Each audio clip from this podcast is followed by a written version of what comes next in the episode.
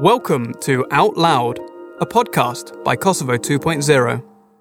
78 Days of Fire, A Lifetime of a Smoke. By Fortuna Sheremeti. NATO bombings, between hope and terror. That is why we have acted now, because we care about saving innocent lives because we have an interest in avoiding an even crueler and costlier war, and because our children need and deserve a peaceful, stable, free Europe.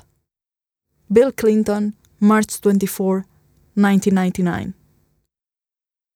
I was only nine years old when the war started. I was young enough not to be properly terrified, but old enough to remember everything clearly.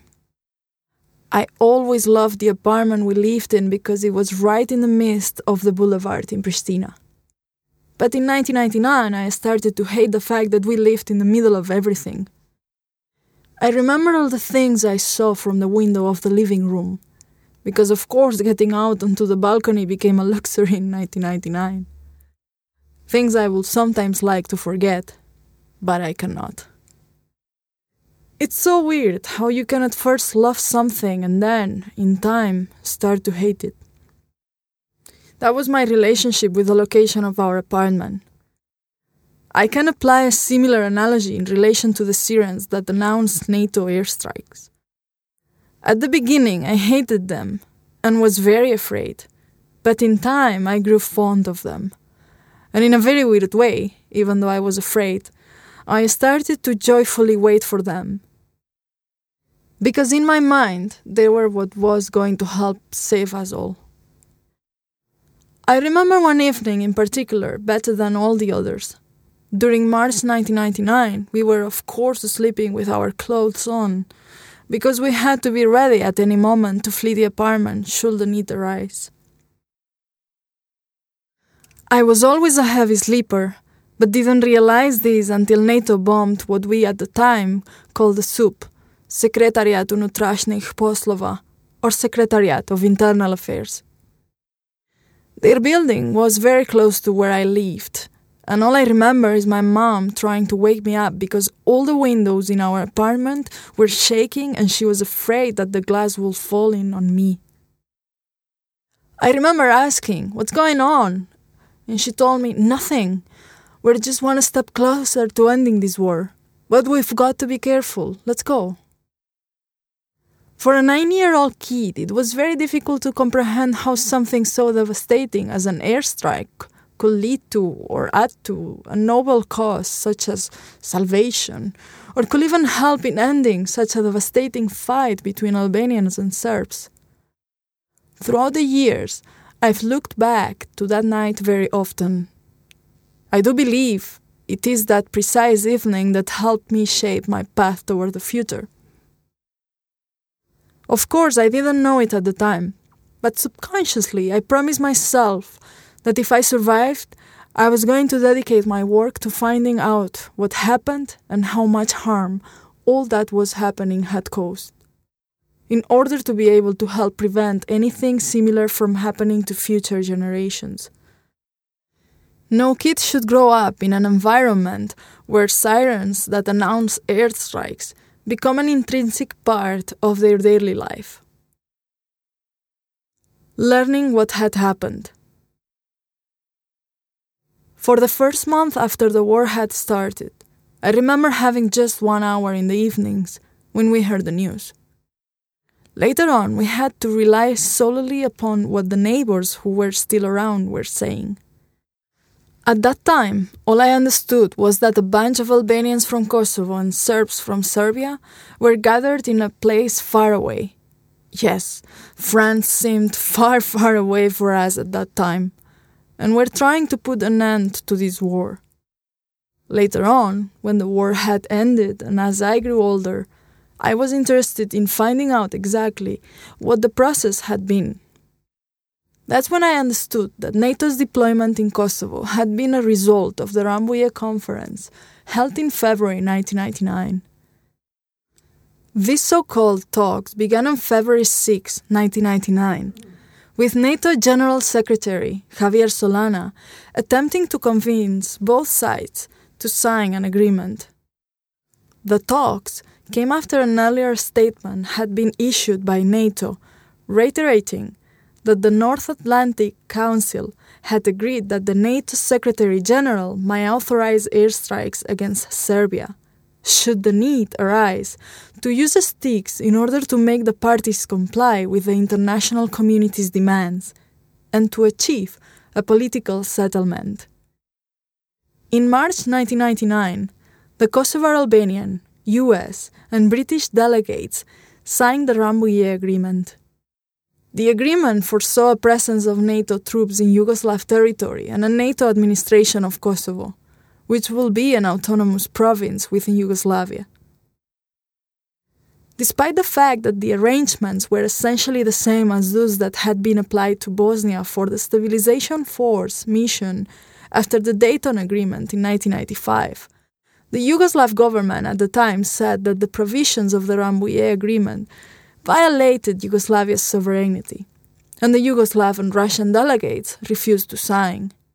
Alternatively, they proposed that instead of NATO troops, there should be unarmed UN observers on the ground. The refusal to sign marked the official failure of the Rambouillet talks, and as such, on March 23, US Special Envoy Richard Holbrooke announced in Brussels that the talks had failed and the case had therefore formally been handed to NATO for military action. On March 24, 1999, at 7 pm, as I waited in my central Pristina apartment, NATO started the bombings. The attacks were largely aimed at air defense facilities, military barracks, bridges, industrial facilities, oil installations and airfields in Kosovo, Serbia, and Montenegro. They lasted for 78 days, and finally, in June 1999, the North Atlantic Council suspended air operations when Slobodan Milosevic accepted the terms of an international peace plan known as the Kumanovo Agreement, which formally brought an end to the war in Kosovo. But during these 78 days, according to Human Rights Watch, between 279 and 318 civilians were killed as a result of NATO's bombing in Kosovo alone in 32 separate incidents. 201 civilians were killed in Serbia and 8 in Montenegro. According to these estimates, up to 60% of the total number of people killed by the NATO bombs were in Kosovo civilian harm. By the time I learned all these facts, I had already pursued what I had subliminally promised myself that evening in March 1999, and I was halfway through my PhD studies in criminology and law. But now I needed to dig deeper and see for myself whether everything that I was reading with regard to the NATO bombings was actually accurate. That's when I started interviewing former prisoners several of whom had been stationed in the notorious Dubrava prison. The case of Dubrava prison is very interesting as it shows the attempts by the Serbian authorities to deceive by attributing a significantly higher number of civilian deaths to the NATO bombings that greatly damaged the complex than was the reality. The prison was hit twice, once on May 19 when three prisoners and one guard were killed, and the second time on May 21st, when at least 19 people were killed, according to Human Rights Watch. NATO acknowledged the airstrikes and justified the attack by the fact that they had targeted military objects close to the prison. But after the second bombing, Serbian forces hunted down prisoners inside the prison complex and used the bombings as an excuse to kill more than 80 of them. The Serbian propaganda machine attempted to pin all of these deaths on the NATO bombs, but Human Rights Watch, as well as the testimony of surviving prisoners themselves, indicate that Serbian forces were responsible for the majority of the killings at Dubrava and that they happened after the bombing.